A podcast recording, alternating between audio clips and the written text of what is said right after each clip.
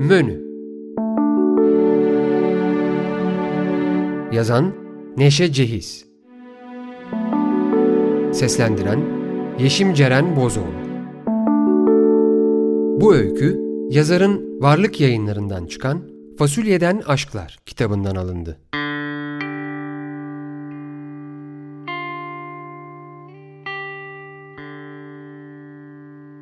Öykü gereçleri.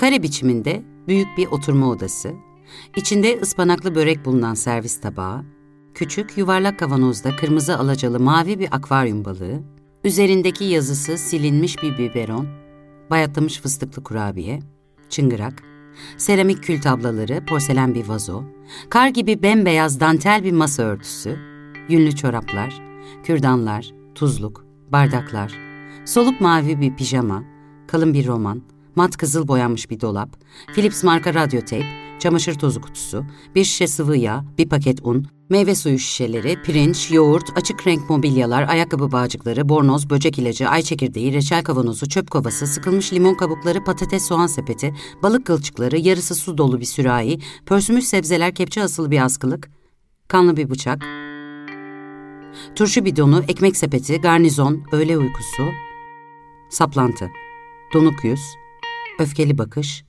uğursuzluk, endişeli bakış, opera, arya, yutulmuş birkaç düğme, iki büklüm, delik deşik iki mezar, yetimhane, kekik isminde bir kedi.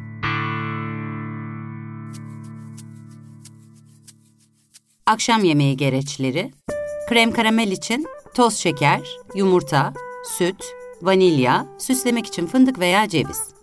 Sebzeli dana eti için dana eti omuz tarafından kemiksiz, tereyağı, soğan, tuz, karabiber, havuç, taze fasulye yarım kilo, yarım tatlı kaşığı kekik, et suyu çeyrek litre, patates, gravyer peynir, bir fiske kırmızı biber, biraz krema, bir bardak su. Patates graten için patates, yarım litre süt, beş diş sarımsak, biraz krema veya yoğurt, az tereyağı. Her zaman bulunması gerekenler yeni bahar, anason, kimyon, nane, defne yaprağı, biberiye, tarhun otu, tarçın, kakule, karanfil, zencefil, ardıç, safran, zerdeçal, çuşka biberi, sumak, hardal tohumu, fesleğen, dereotu, adaçayı, mercan köşk, maydanoz.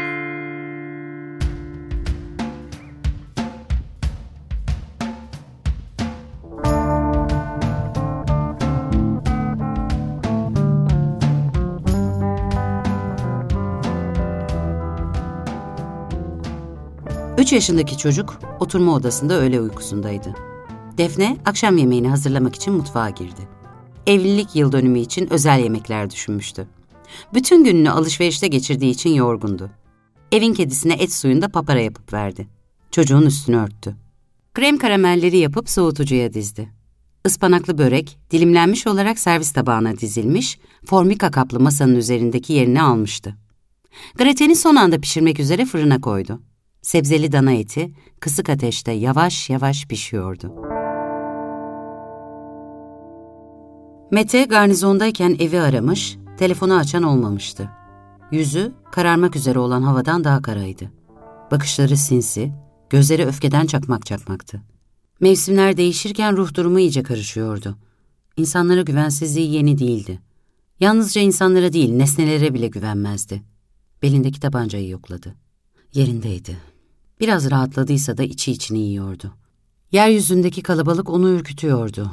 Gün boyunca evde yalnız olan karısına nasıl güvenebilirdi ki?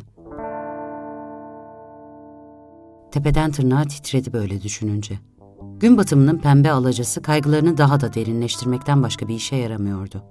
Ya garnizonda, nöbette olduğu gecelerde karısını başka bir erkek kucaklıyorsa? Ya gündüzleri de eve alıyorsa sevgilisini? Gökyüzü iyiden iyiye pembeleşmişti o sıra. Bu sonsuzlukta yapayalnızdı Mete. Defne onun donuklaşmış yüzünü görünce endişeli bakışlarını gizlemeye çalışarak mutfağına döndü. Akşam yemeğine üst düzey subaylar davetliydi. Menü belliydi. İşin çoğu bitmişti. Yüzündeki evrensel hüznü silmeye çalışarak baharatları rafa dizdi. Ayağına dolaşan kediyi itekledi. Çöp kovası iyice dolmuştu. Kısa ve sert hareketlerle kovayı itekledi, fırını açıp kapattı, boş meyve suyu şişelerini tezgaha sıraladı. Kapı aralığından içeriği görmeye çalıştı. Evdeki sessizlik birazdan bir patlama olacağının habercisiydi. Radyoda opera saati başladığında Defne patates soğan sepetini düzenliyordu. Çığlık çığlığa bir arya yükseliyordu evin içinde.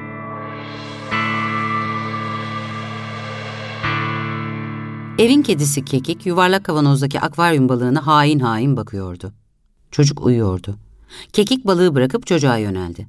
Yerdeki çıngırağın üzerinden atlayıp sehpaya zıpladı. Çıngırak şıngırdadı. Kedi ürktü. Sehpaya çıktı ve ardından biberonu yere düşürdü. Bu kez korktu. Yere indi. Çocuğun ortalığa saçtığı kurabiye kırıntılarını kokladı. Kare biçimindeki oturma odasını çepeçevre dolaştı. Yere atılmış yün çorapla oyalandı biraz. Sonra da çocuğun koynuna girip onun hırıltılı uykusuna eşlik etmeye başladı. Kıskanç koca evi didik didik arıyordu. Defne bir bardak su içti. Askılıktan bir kepçe aldı. Kepçeye boş gözlerle baktı. Kafası karışmıştı işte. Kepçeyi yerine astı. Mete'nin bağırdığını o anda duydu. Hakaretler yağdırıyordu yine. Reçel kavanozunu boşaltıp yıkadı. Dolaptaki pörsümüş sebzeleri çöpe atayım derken kovayı devirdi. Önceki günden kalmış balık kılçıkları, sıkılmış limon kabukları ve pörsümüş sebze artıkları yere saçıldı. Mete'nin söylediklerini duymamaya çalışıyordu. Böylesi kıskanç biriyle yaşamaya alışmıştı. Ekmekleri dilimleyip sepete dizdi, bıçağı tezgahın üzerine bıraktı.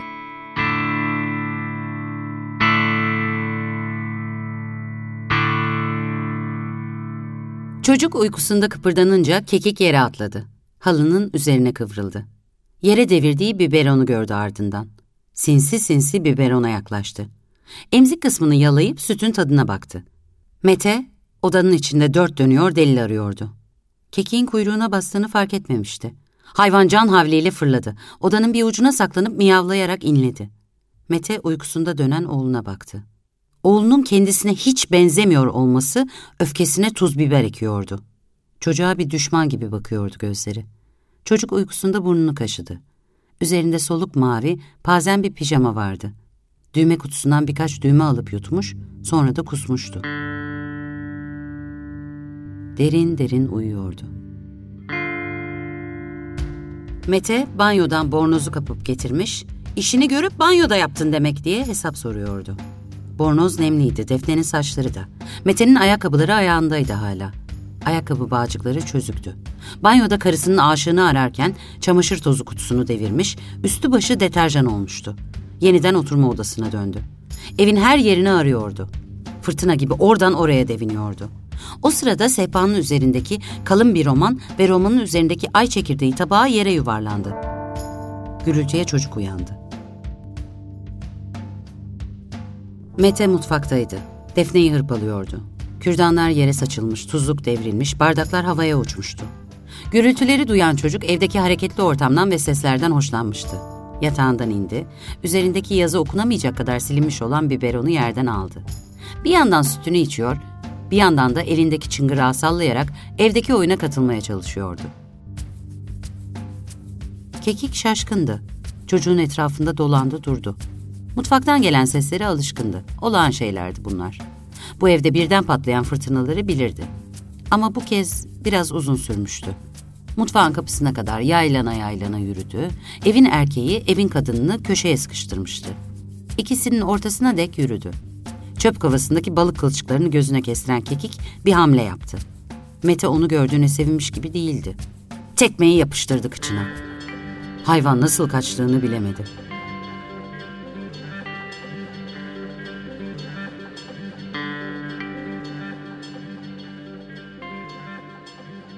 Sonbahar kışa dönmek üzereydi. Defne'nin ayağında kalın yün çoraplar, sırtında el işi bir hırka vardı. Kocasının öfke nöbetinin dinmesini bekliyordu.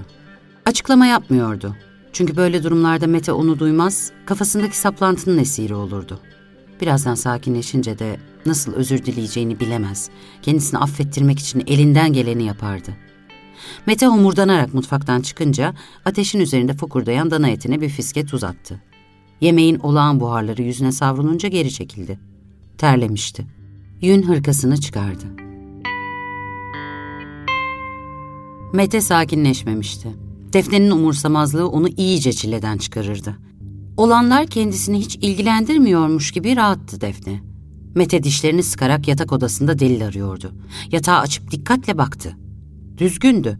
Hep böyle olurdu. Aldatan kadınlar delilleri gizlemekte ustalaşırdı. Odadan çıkarken kedi ayağına dolaşmıştı. Kediye küfretti. Çocuğunsa hiç sesi çıkmıyordu. Bir süre sessiz kalan Mete mutfağa dönmüş turşu bidonunu tekmeliyordu. Uğursuz kadın hayatımı mahvettin diye bağırdı. Tezgahtaki bir paket unu yumrukladı, boş meyve suyu şişelerini sürahiye doğru itekledi, devrilen şişeler radyodaki araya eşlik edercesine şangırdadı. Mutfak masasına çöken Defne'nin aklına oğlu geldi. Çocuğa bakmak üzere yerinden kalkınca Mete onu itekleyip duvara yapıştırdı. Çocuk oturma odasında bayat kurabiye kemiriyordu. Defne ben bir şey yapmadım ben masumum diye açıklamaya çalışıyordu. Masum sözcüğünü duyunca Mete'nin içindeki fırtına kasırgaya dönüştü. Dünya yanıp yok oluyormuş da nedeni Defne'ymiş gibi hırslanmıştı. Tezgahın üzerindeki ekmek bıçağını aldı, Defne'ye rastgele sapladı.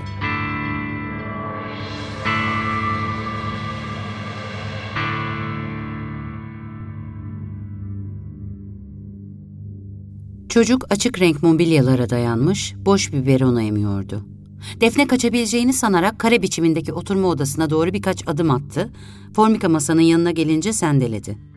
Olduğu yere yığılırken kar beyazı masa örtüsünü tutabilmişti.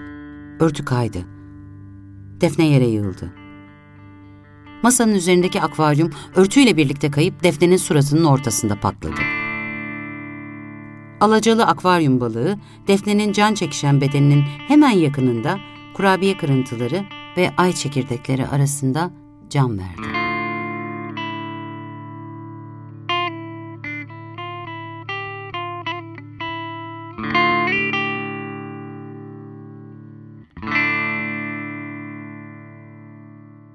Yetimhanenin oyun odasında dip tarafta birkaç gün önce getirilmiş üç yaşlarında bir çocuk oturuyordu. Geldiği gün elinde sımsıkı tuttuğu çıngırağı ve biberonu hala elinden bırakmamıştı. Kimisi öne arkaya, kimisi sağa sola sürekli sallanan diğer çocukları izliyordu. Bu sallanışların kimsesiz çocuklara özgü olduğunu henüz bilmiyordu. Her ziyaretçiye anne ya da baba demelerini ise anlamıyordu.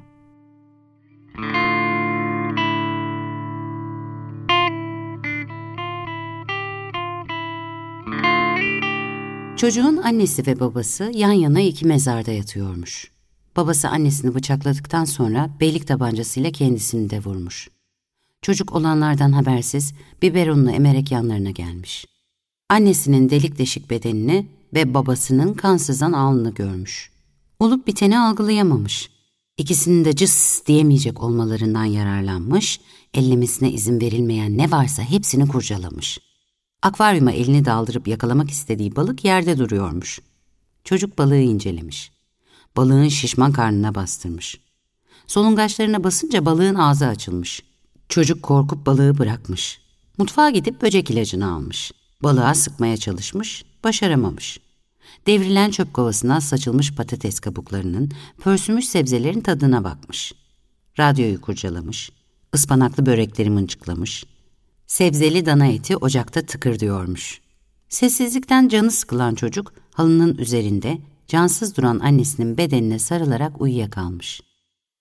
Akşam yemeğine davetli konuklar kapı açılmayınca kuşkulanmışlar. Yanık kokusunu alınca da kapıyı kırıp girmişler içeri. Kömürleşmiş sebzeli dana etinden dumanlar yükseliyormuş. Uyanan çocuk donuk yüzü ve endişeli bakışlarıyla onlara bakıyor, biberonunu emiyormuş. Konuklar krem karamellerin cıvık, patates gratenin kuru, dana etinin de yanık olması yüzünden menüden pek hoşnut kalmamışlar. Üstelik ev sahipleri de çok cansız karşılamışlar konuklarını.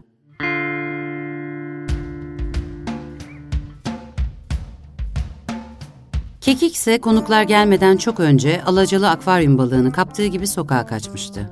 Bir iki kokladı. Çiğ balık tadına alışkın değildi. Kaldığı evin artık yemekleri daha leziz oluyordu. Ancak oraya dönmek de istemiyordu. Çünkü evin beyi çok hırpalıyordu kekiği. Evin kapısına kadar geldi, kapı açık ve içerisi kalabalıktı. Tanımadığı bu kalabalıktan hoşlanmadı. Gerisin geri döndü ve bilinmeyen bir yöne doğru gözden kayboldu.